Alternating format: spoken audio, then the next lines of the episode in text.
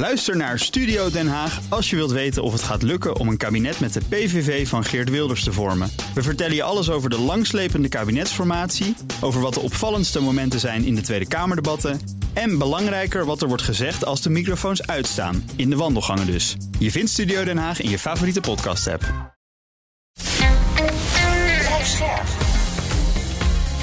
BNR Nieuwsradio. Napleiten. Wouter Laumans en Christian Vlokstra. En ik heb ze de vraag gesteld: stel nou, bij jullie staat een man voor de deur met een knuppel, dronken. Je hebt een, een dochtertje op de bank zitten of in de bed met de pyjama aan. En je vrouw die is de politie aan bellen en de politie is er niet. Wat zou jij doen? En ik, ik, ik zag ze echt denken van, ja, misschien zou ik het ook wel hebben gedaan.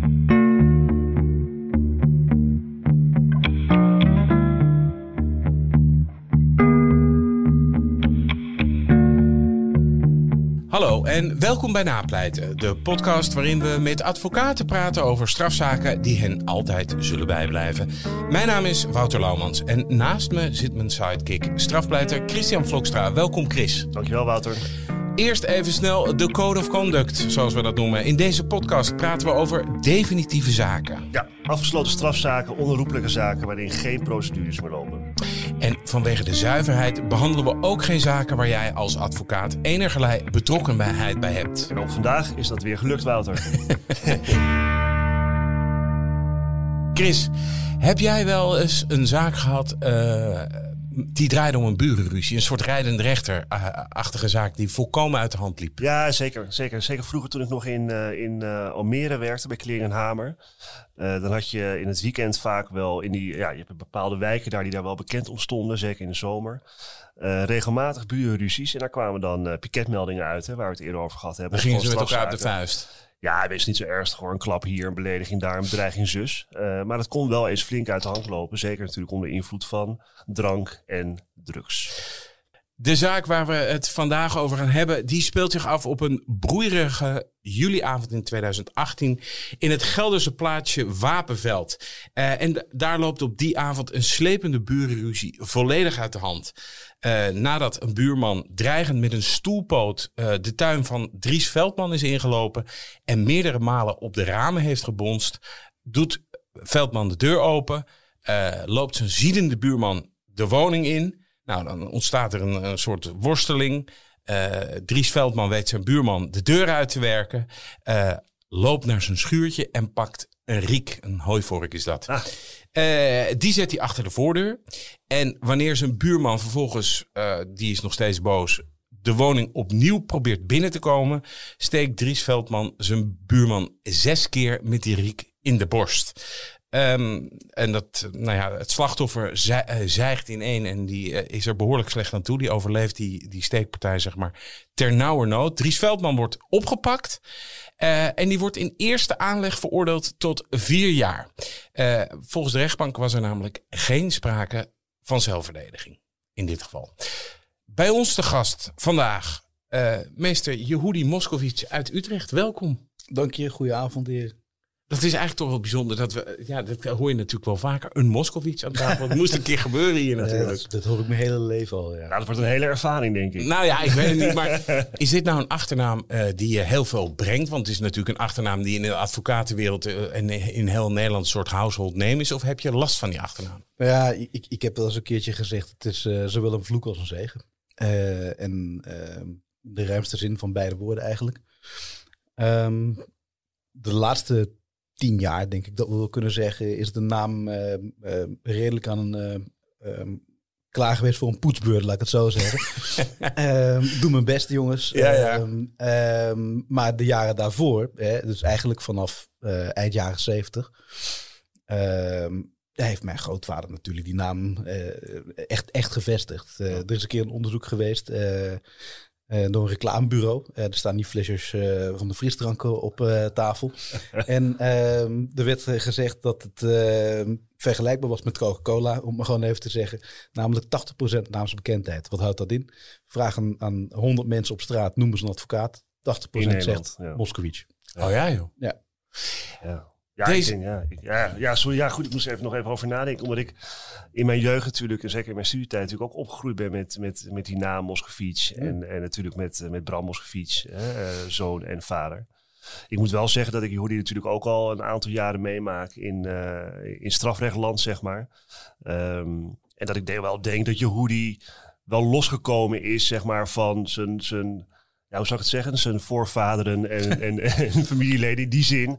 Hè, dat is Smet die er was. Mm. In ieder geval vanuit mijn perspectief eh, rust hij niet bij jou. Laat ik het zo zeggen. Heb je Ja, dat dat idee zelf fijn dat wel? het in ieder geval bij jou het is niet- gelukt is. Nee, maar ik, bedoel, Ja. ik weet niet, heb je, of heb je zelf het idee dat, dat, dat je daar ook wel op aangekeken wordt? Nou ja, het, het voert wat te ver om dat helemaal nu Ja, dat is waar. Daar zijn we hier ook niet voor, hoor. Maar goed, ik, ja. ik kan je één ding garanderen.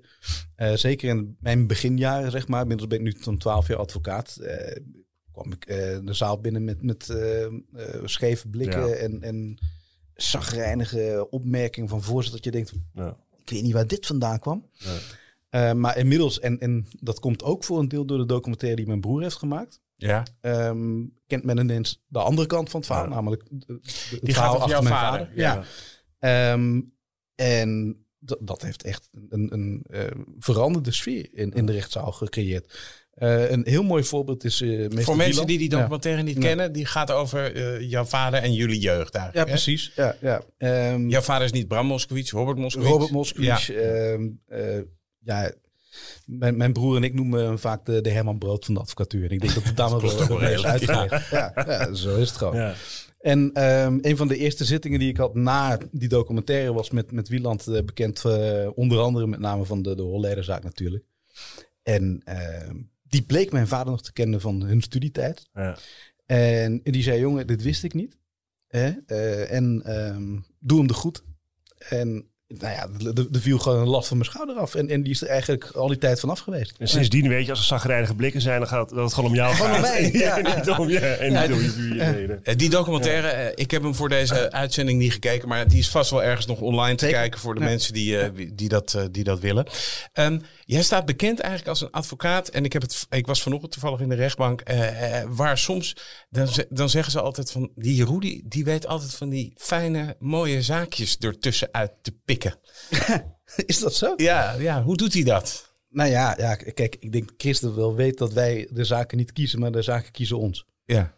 Eh, je wordt gewoon gebeld op een gegeven moment uit de penitentiaire inrichting. En dan denk je, nou, dat is weer een leuke. Zo werkt het. Ja, en heeft dat dan met die achternaam weer te maken? Of is dat, eh, ja, dat is dan toch weer een moeilijke, denk ik. Nou, ik, ik hoop eh, dat het inmiddels zo is. eh, dat het vooral te maken heeft met de mond-op-mond reclame. Dat mensen Ja. gehoord hebben. Ja, Judy heeft een leuke zaak eh, afgerond. eh, iemand vrijgekregen. Dat is vaak zo.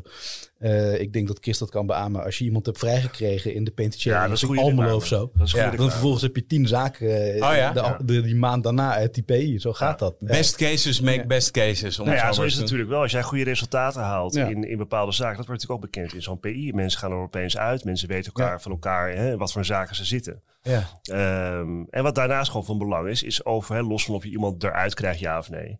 ehm, of die cliënt zich goed bijgestaan Ja. voelt. En er zitten natuurlijk heel veel mensen in de, in de inrichting die, eh, hè, die, die in moeilijke omstandigheden zitten. En die iets van vertrouwen en een strohalm zoeken. En als ze dat niet bij een huidige advocaat hebben, maar ze denken wel hè, d- dat, het, dat ze bijvoorbeeld bij Yehudi kunnen, kunnen vinden. Ja, dan, dan springen mensen over. En dat gebeurt met grote regelmaat in strafzaken.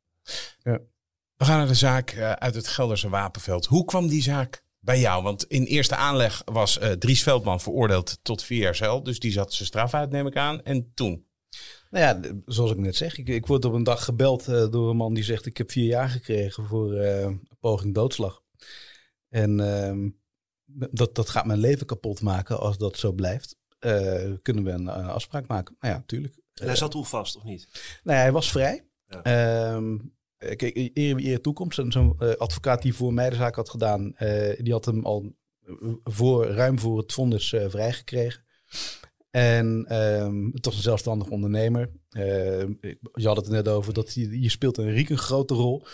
Ehm, hij is geen boer, maar hij had het kunnen zijn. Een beetje dat je het type mens een beetje voor je hebt. Hij werkt op het land veel of zo. Nou ja, dat is gewoon echt, echt een ruwe bolster, blanke pit eh, type. eh, zegt weinig, eh, doet veel.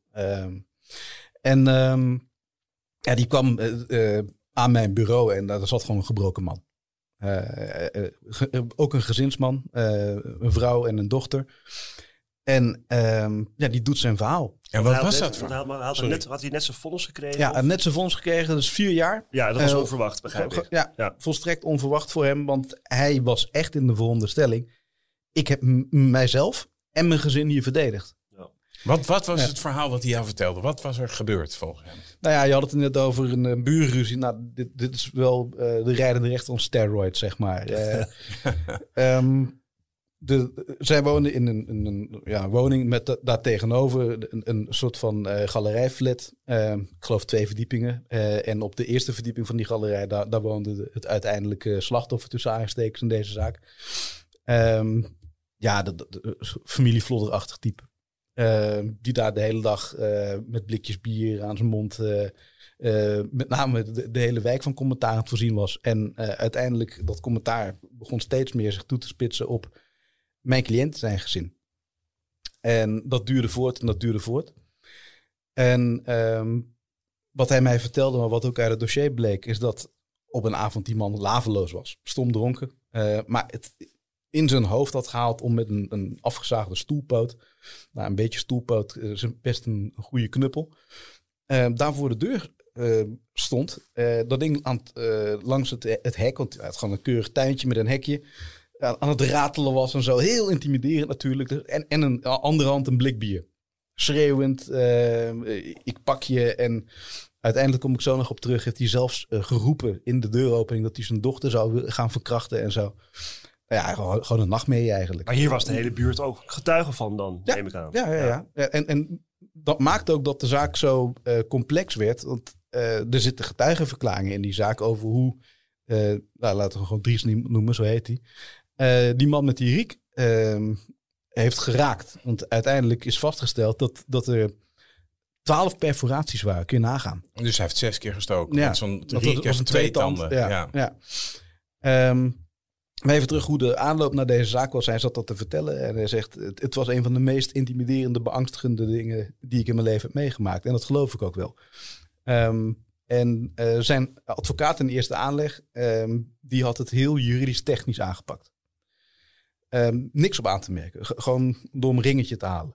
Maar toen die mij dat Want verhaal- wat was het verweer van die advocaat? Noodweer ook, ja. Oké. ja en, en het ontbreken van opzet en dergelijke. Dat is dus juridisch eh, weer... een- eh, je moet wel de bedoeling hebben gehad om iemand om het leven te brengen enzovoort. Maar eh, uiteindelijk als je iemand zes keer met een riek steekt... dat, dat er een potentieel overlijden in zit... Hè, dat kunnen we wel aannemen. Ja. Dus ook in de voorwaardelijke zin, hè, dat is eh, een, een, een juridisch relevant gegeven, dat je een, een bepaald risico op de koop toeneemt, dat zat er ook wel in. Mhm. Dus het kwam echt erop aan, gaat het Hof, want dat was zijn laatste kans om hè, de feiten maar, ter discussie te stellen, gaan die aannemen, is hier sprake van noodweer. En toen dacht ik, hoe ga ik dit overbrengen dat deze man ehm, en zijn gezin ehm, echt aangevallen werden en dat het niet een tegenaanval is? Want dat is namelijk het, het, het grote juridische verschil. Ja, want er zat Ja. natuurlijk ook, ehm, eh, want eh, de vrouw van het slachtoffer, eh, die had verklaard dat Dries na het steken had gezegd, jij bent de volgende die ik eraan rijg. Ja, en, en dat was volgens mij ook, is dat ook wel geborgd in andere, want dat is natuurlijk een enorme eh, ja, pandemonium geweest daar die avond, die, die ruzie. Want het was een mooie zomeravond, ik geloof Ja. een WK-wedstrijd. de, de ramen stonden open, deuren Ja, stonden dus het open. is een enorme toestand heeft het geweest. Gezien, ja. Maar dat is natuurlijk wel eh, een, Ja, oké, maar dat is wel achteraf. Hè? Want misschien is het even goed, hoe die Ja? even uitlegt. Hoe, hoe, wat waren de feiten precies eventjes qua aanval? Wat, want hè, de, de, kennelijk Ja. is de man twee keer binnengekomen. Maar Ja. misschien is het even goed om dat even hel te hebben. Om dan vervolgens verder te Een paar belangrijke feiten. Eh, het gezin was thuis. Ja, dus moeder en dochter waren thuis, Dries was thuis. En dan staat daar ineens die man met die knuppel tegen dat hek te ratelen en te schreeuwen en te bedreigen en noem maar op. En, eh, Kwam er geen politie of zo? nou ja, dat wil ik ja, nu zeggen. excuus, ja. Eh, eh, zowel, misschien is dit niet, weet ik het niet zeker, maar in ieder geval de vrouw heeft de politie gebeld, maar volgens mij Dries ook. Maar eerder Ja. die dag was er ook al. Of is dat het moment dat er eerder Nee, politie... nou ja, de, de, de vrouw die heeft Dries gebeld en je moet nu naar huis komen, want die idioot staat hier. ja. Eh, hij komt. De politie wordt door zijn vrouw gebeld. Maar volgens mij heeft hij bij eh, het, eh, het dichtdoen van de tweede keer van de, van de eerste keer van de deur. Dus, dus dat die man de eerste keer even weg was. Ook de politie gebeld. Maar het, het, het belangrijke gegeven wat ik ook aan het Hof heb voorgelegd is, die politie kwam maar niet. Nee. En dat is natuurlijk relevant, want noodweer moet noodzakelijke verdediging zijn. En het is iemands huis. Eh, want je hebt een, een belangrijk ding waar mensen op af worden gerekend, is het zogenaamde onttrekkingsvereiste. Dat je je aan de situatie moet eh, Onttrekken. onttrekken. En, en alleen als dat niet kan, dan is er sprake van noodweer. Maar je, je bent thuis in, in jouw veilige haven. Ja. En waar, waar moet je je vrouw en je dochter heen sturen dan? Anders dan je huis. Maar goed, die man staat aan het hek, staat Die staat staat te- agressief te- te doen. Nou ja, hij doet de deur open ehm, en eh, ja, gaat de confrontatie aan in die zin van, van wat, wat moet je van ons? Laat ons met rust. En Ja, wegwezen. man is eh, niet voor reden vatbaar. Slaat eh, tegen de, de deur en de deurpost en de ramen aan te beuken. Ehm, en de politie aan de telefoon gehad. Politie is in geen veldenveeg te bekennen. En hij weet vervolgens die man naar buiten te werken. En met zijn handen op dat moment. En de deur dicht. En dan is het nog lawaaiig enige tijd. Ehm, maar dan is het even stil. Hij weet niet wat er gaat gebeuren. Heeft inderdaad, zoals je zojuist in de inleiding hebt aangegeven, op een gegeven moment een riek eh, achter de deur gezet. Want hij weet niet wat hij kan verwachten. En nog steeds geen politie. Dat is een fors ding, hè, Riek? Eventjes, jongens. Het is een soort hooivork? Ja, Dat voor is een gigantisch ding. Dat is Ja, gewoon ja, ja. zo'n schoffel, maar dan met punten. Ja, oké. Nou, dat is een fors- Neptunus dus op zich is dat ja. een fors wapen, zou je Ja, kunnen ja, zeggen. daar kun je iemand behoorlijk mee Ja. aanpakken. Die staat achter de deur. En ineens begint het weer. En ehm, dat is waar een, een, een discussie op de zitting over is geweest. Ehm, waarom In de eerste aanleg of in een hoger In hoger beroep. Ja. Waarom die in hemelsnaam vervolgens de deur weer heeft opengedaan. Maar ja, de man die staat daar met een knuppel. En met een knuppel ram je zo de raam in. En ze konden nergens heen. En op enig moment heeft die man geroepen, en dat is waar, en zo staat het eh, beschreven in de verklaringen, zoals zijn vrouw dat ook eh, heeft gezien gebeuren, zegt die aanvaller, ehm, ik kom je dochter verkrachten. Nou, je moet weten, dat was op dat moment een meisje van zeven, geloof ik. En, ehm, nou ja, eh, Dat kan wel iets teweeg brengen. ja, ja, iemand, als iemand ja. zoiets zou roepen over mijn kind. Ik, Zeker. ik- ik- ja, nee. en, en dit is precies wat ik het Hof wilde gaan overbrengen. Want ik heb dat met, met Dries aan tafel allemaal besproken. En ik heb, Maar was hij emotioneel toen hij dat jou allemaal vertelde? ja, ja, het is niet dat hij tranen met tijd aan het huilen was. Maar het was echt een gebroken man daar aan tafel. Ja, maar wat voor... Ja. Oké, want dan zit zo'n cliënt, hè, die Ja. zit bij jou aan, dat, aan die tafel. En dan ga jij natuurlijk ook even kijken, wat is dat voor man? Had hij bijvoorbeeld een strafblad voor... eh, hij was geen Gewoon gewelddadig man. law-abiding citizen. Gewoon keurig. eh, eh, nooit iets in zijn leven meegemaakt. Ehm, dus er was ook geen aanleiding. ehm, of, of, of niet, eh, ik kan het beter anders uitleggen. Er was geen perspectief waarin dit ineens zou kunnen gebeuren. En heeft hij jou Nee. ooit verteld waarom eh, hij juist dat conflict had met die buurman en niet iemand anders? Is hem dat ooit duidelijk geworden? Is dat duidelijk geworden? Maar wat ik net al aangaf, het was iemand die eh, ja, dat- dat- niet de meest vriendelijke buurman was. Nee, nee, nee. Maar Ja. ik bedoel, eh, uiteindelijk komt hij bij jou en niet eh, hè, bij iemand anders. Dat is niet... ja, dat, dat- de achtergrond van het conflict heb ik me niet zo in verdiept. Vond ik ook niet belangrijk. Want ik moest me echt op dat, dat moment Ja. suprem concentreren. Dat is waar ik het Hof moest gaan uitleggen. Hij mocht daar de verdediging voeren. Want je vertelde net, Ja. hè, hij, hij roept opeens, eh, ik ga je dochter van, eh, ik ga je dochter ook verkrachten. Ja, En dat, is dat het moment dat hij de deur weer open doet? ja en t- dat is het moment dat hij dacht, deze vent moet hij weg. Ja. Eh, en ehm politie pakt is. Riek, Ja, de deur dus hij open. pakt de Riek. Nou, en, en dan heb je dus dat verklaringen uiteenlopen. ja. maar rampzalige verklaringen van buurtbewoners. En eh, bijvoorbeeld dat eh, eh, de, degene die uiteindelijk gestoken is, ik vind het wat lastig om hem slachtoffer te noemen, ehm, dat hij Maar dat is achteruit liep. natuurlijk eh, in zo'n procedure wel. Ja, juridisch gezien is hij dan Ja. slachtoffer.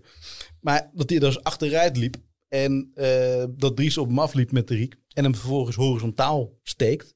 Zo. En dan heb je nog een verklaring van iemand die, die zag, en ik doe het nu even voor, dat hij ook verticaal ehm, eh, een aantal maal. Er is Toen zes op de grond lag. Ja, ja. Oh, Ja, kijk, en dat is natuurlijk rampzalig als je daar voor een hof staat.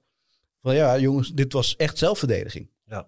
Ja, dat is misschien wel goed. Hè? Daar hebben we Ja, leg vorige, keer, even hebben we het uit? vorige keer ook over gehad. Met Jan Sneep. Eh, eh, met Jan Sneep. En het niet, even, niet, niet te juridisch, maar eventjes heel eh, simpel gezegd. Je hebt Janneke taal. eh, je hebt noodweer en noodweer excess. En noodweer is gewoon de klassieke zelfverdediging. Die is gerechtvaardigd. En dan moet er sprake zijn van een noodzakelijke verdediging. Dus je kon niet anders dan je verdedigen. En ook op een manier en met een middel die ook in verhouding staat tot de aanval. Hè, simpel gezegd, als iemand jou een vuistslag geeft, mag je hem niet doodschieten. Nee. Dat slaat nergens op. En Kijk, en hier kan je zeggen, dat is natuurlijk een kwestie. Dan zou het kunnen zijn van, hey, deze man hè, die, die maakt amok in de tuin en die schreeuwt en die bedreigt. Maar ja, die wordt vervolgens zes keer met een riek in zijn lijf gestoken. dat is hè. Dus pittig. daar, daar kun je qua verhouding kun je daar een vraagstuk over En hebben. vervolgens zegt dus de, de steker eh, tegen de vrouw van het slachtoffer en jou eigenlijk. Ja, maar dat, is- dat is in die zin iets minder relevant. Want het, het noodweerverweer wordt natuurlijk wel bekeken vanuit hè, de, de, de gedragingen die hebben geleid tot het steken. De gedragingen daarna, ja goed, die kunnen betekenis hebben, maar zijn niet per se relevant. Nou, dan hebben we daarnaast hebben we een soort vangnet. Wacht, wacht heel even, want dat Ja. vind ik zoiets. Dat vind ik zo eh, eh, opmerkelijk eigenlijk. Waarom zijn die niet relevant? Nou ja, dat zal ik je uitleggen in want dit hij geval. bedreigt dan toch eigenlijk. Ja, maar dat kan. Je kunt natuurlijk eerst uit noodweer handelen en vervolgens iemand bedreigen. Het, het een sluit Ja, al hij, hij is uit. ook uiteindelijk wel veroordeeld voor bedreiging. Ja. Oké. Ja. Maar kijk, daarvoor geldt, kijk, dat is het vangnet. Dus je hebt natuurlijk heel veel situaties, en dat kan hier natuurlijk ook het geval zijn, waarbij je wordt aangevallen. Waarbij je ook je moet verdedigen, of dat de verdediging noodzakelijk is, maar dat je daarin te ver gaat, het verkeerde middel gebruikt. Dat hebben we vorige week ook besproken. Dan nog is het geen rechtvaardigingsgrond, maar een schulduitsluitingsgrond. Dus je mocht het niet doen. Alleen het wordt je niet toegerekend. Hè? Vanwege het feit dat die aanranding, die eerste aanranding, die heeft een hevige gemoedsbeweging veroorzaakt bij iemand. Waardoor die te ver is gegaan in zijn verdediging, bijvoorbeeld door het steken Ja. eh, met, met de riek.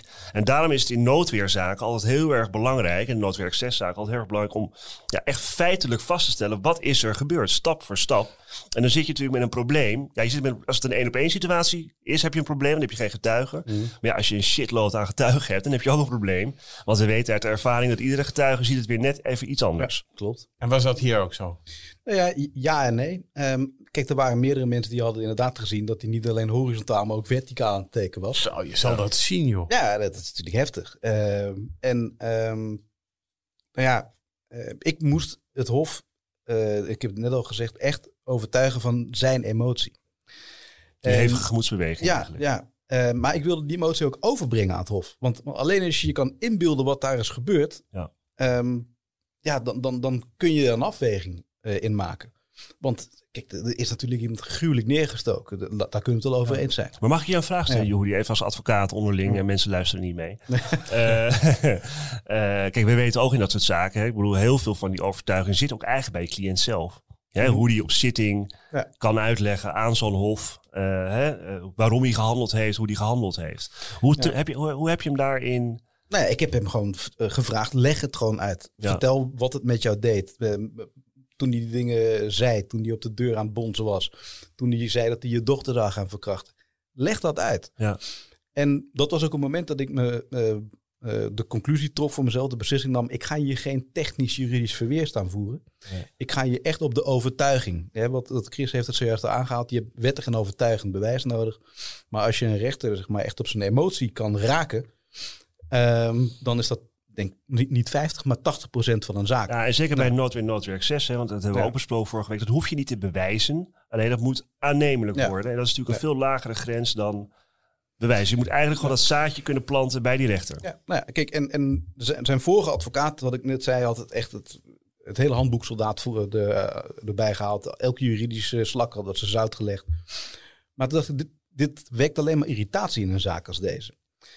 En ehm, ik heb op een gegeven moment eh, ook mijn eigen pleitnota weggelegd. En ik dacht, ik moet hier gewoon uit het hart spreken.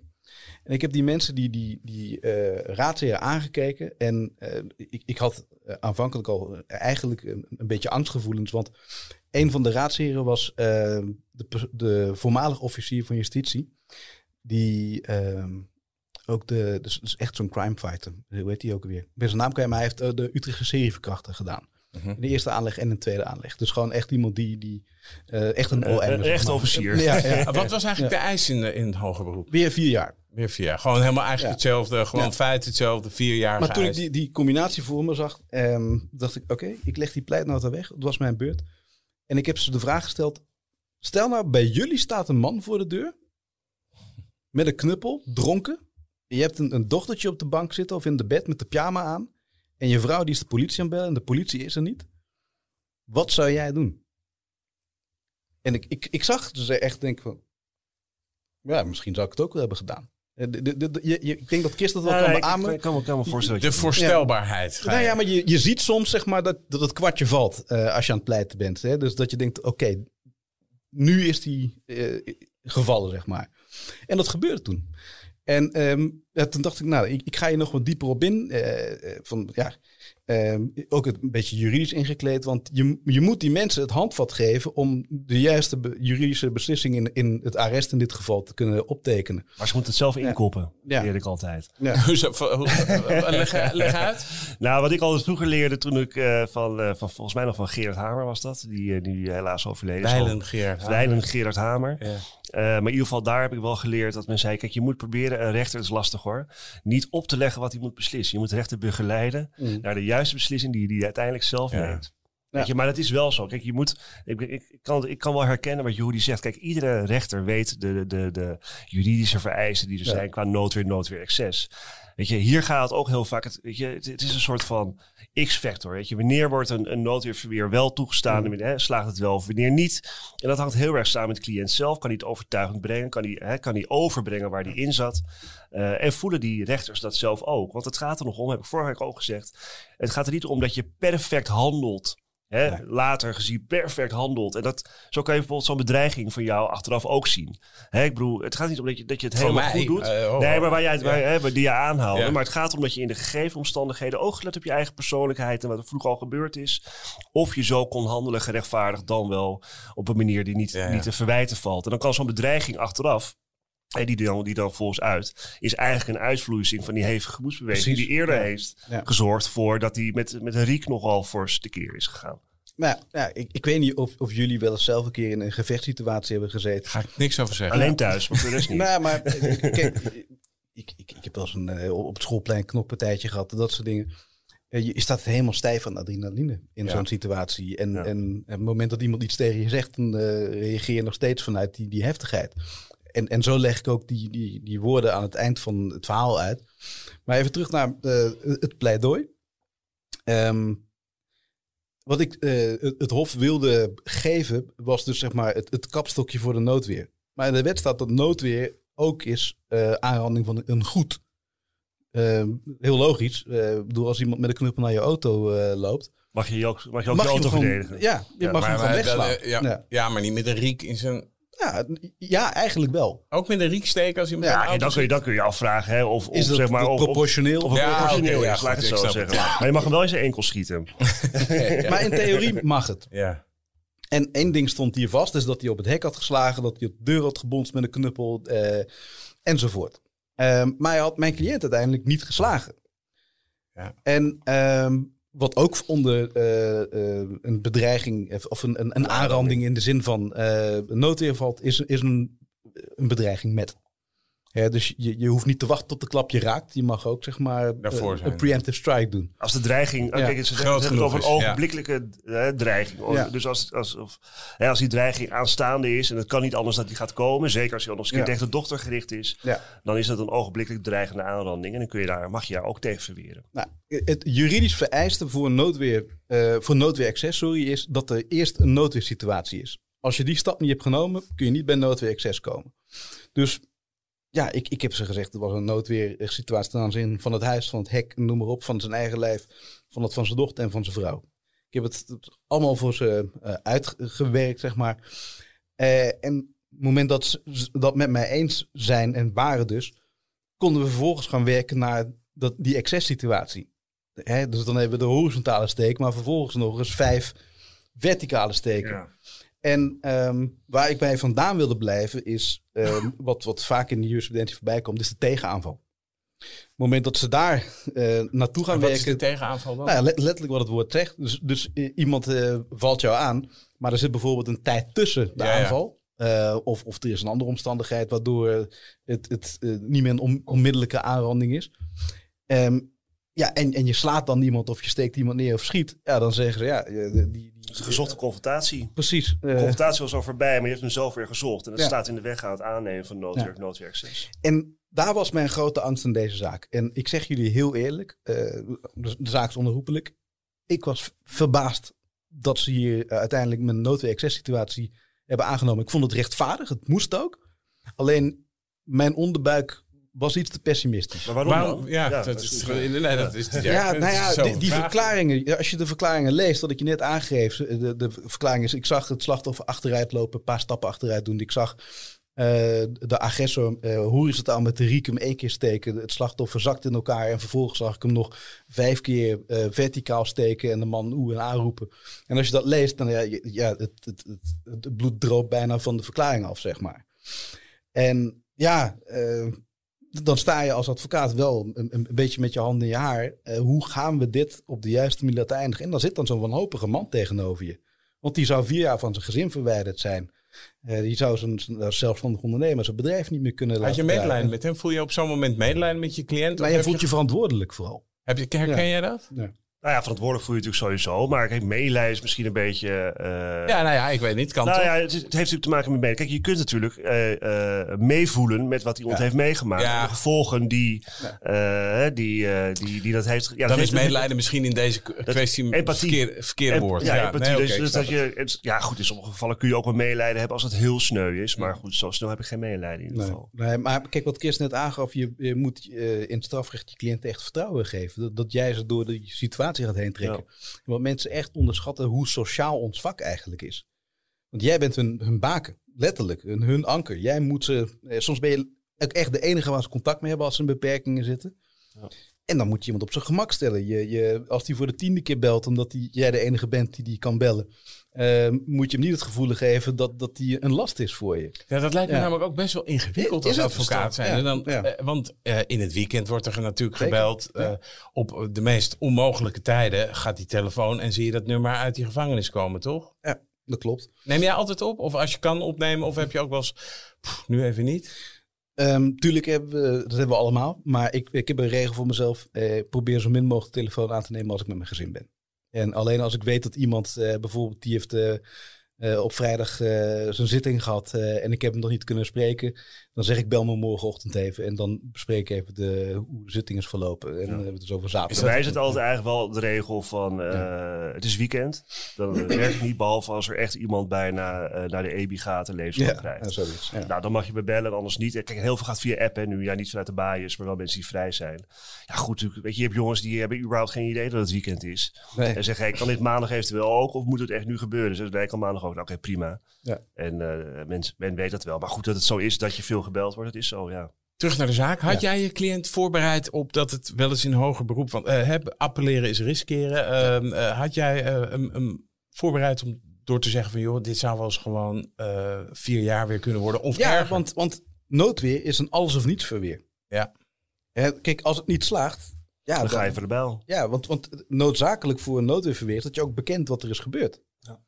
En als ze dan vervolgens die noten niet aannemen, ja, dan, dan is het einde verhaal. Dan, dan moet je naar binnen. Ja. Dus ja, daar heb ik hem natuurlijk op voorbereid. Ehm, maar reden te meer om, om eh, veel meer mijn best te doen eh, eh, om, om de emotie erin te leggen.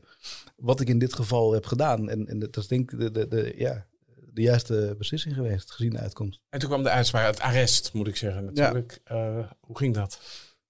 Ehm, Was je Ja, erbij? ik, nee, ik was er niet bij. Dat, eh, ja, je, je weet dat je, je bezitting en dan Ja, eh, word je gebeld. En eh, ik, ik weet nog dat ik eh, echt even knipperde van, de, joh, echt waar? Ik kreeg een appje van mijn secretaresse. Nou ja, dan, dan zorg je stond er in het appje vrijspraak. Nou, geen vrijspraak dus, maar ontslag van rechtsvervolging. Ehm, Ping. Hij is naar het belletje. Ja, ja, ik ga het doen. Ontslag van rechtsvervolging, ja. Eh, Die Moskovits is snel. Ja, die, eh, ja, we hebben hier, en ik. Ja, we hebben hier eigenlijk... ja. eh, we hebben Hij wijst naar het belletje. Ja, nou, ontslag van rechtsvervolging. Het grappige is dat het, dat het natuurlijk heel vaak misgaat. En we hebben het Ja. hier in deze podcast nog nooit over gehad. Dat het eigenlijk de kern van ons strafrecht betreft. Althans van het beslismodel van de rechter. Eh, die natuurlijk een aantal eindbeslissingen moet nemen. Nou, die gaan over de ontvankelijkheid van het OM. Over de, eigenlijk eerst over de bevoegdheid van de rechtbank. Over de ontvankelijkheid van het OM.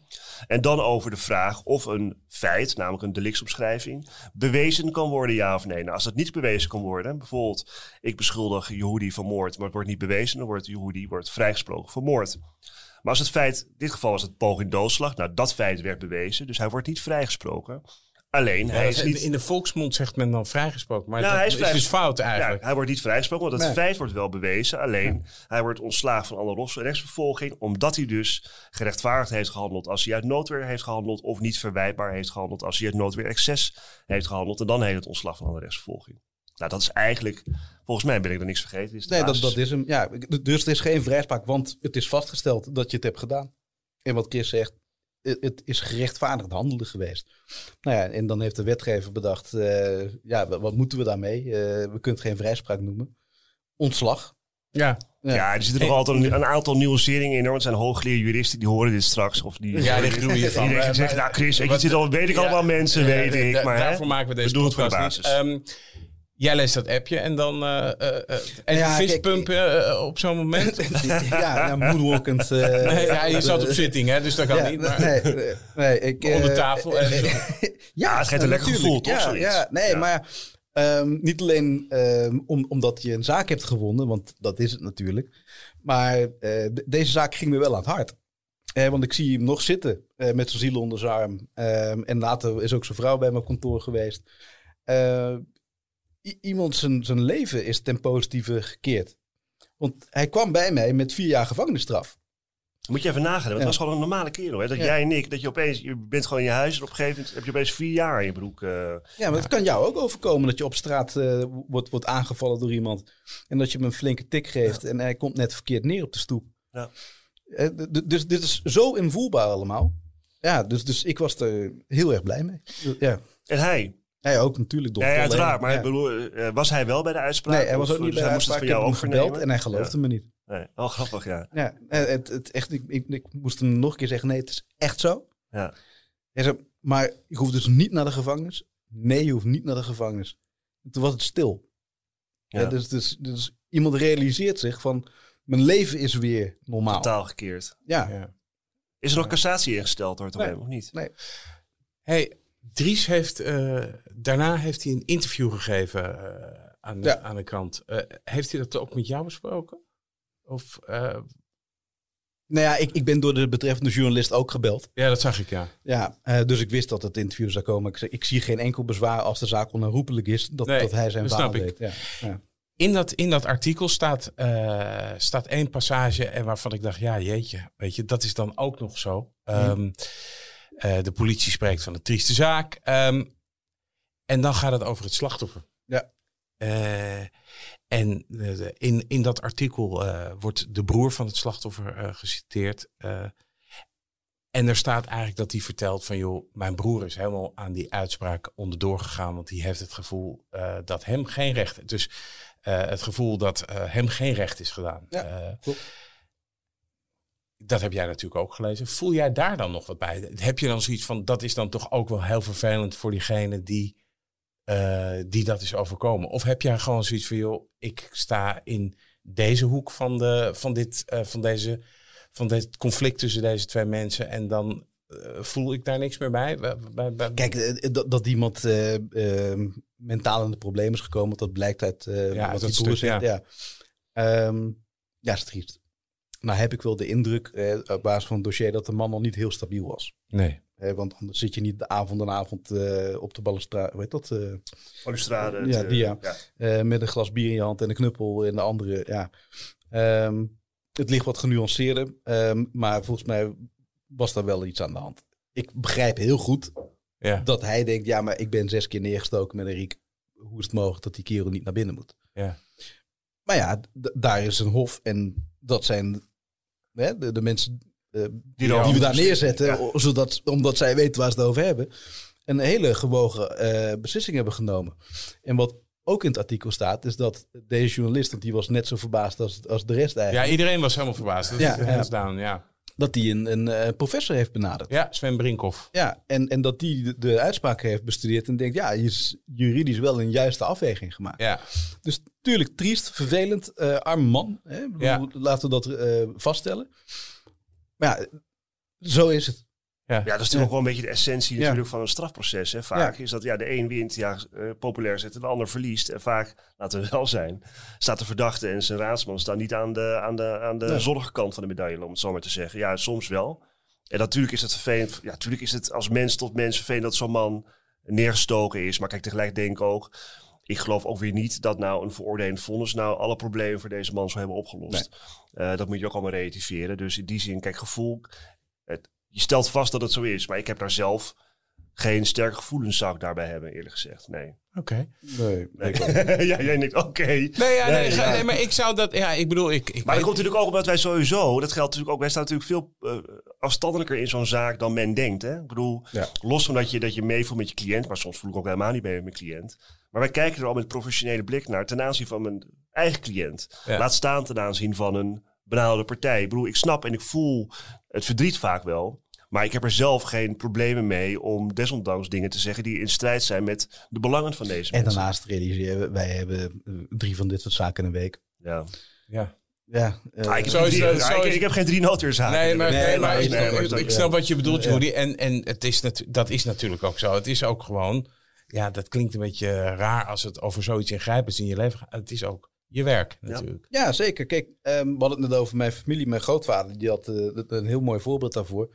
Ik, ik eh, ben als een chirurg die eh, een groen laken heeft en alleen wat ze maar uitgespaard is, dat is waar ik opereer. En de rest doet niet ter zake.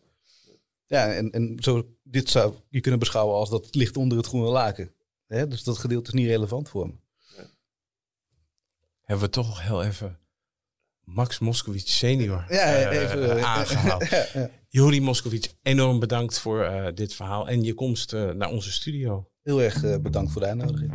Dit was Napleiten. De uitspraak in deze zaak kunt u nalezen op rechtspraak.nl. Mijn naam is Wouter Laumans en naast mij zit co-host advocaat Christian Vlokstra.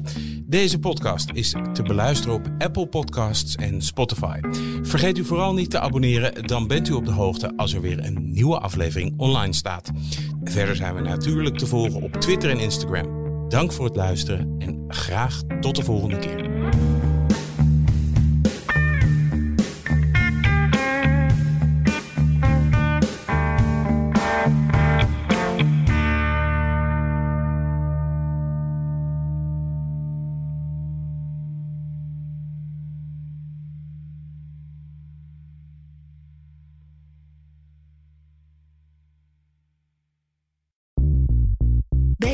Ben je altijd als eerste op de hoogte van het laatste nieuws. Luister dagelijks live via internet. Bas van Werven. En heel langzaam komt de zon op rond dit tijdstip. Je krijgt inzicht in de dag die komt op BNR, het Binnenhof in Nederland en de rest van de wereld. De Ochtendspits. Voor de beste start van je werkdag. Blijf scherp en mis niets.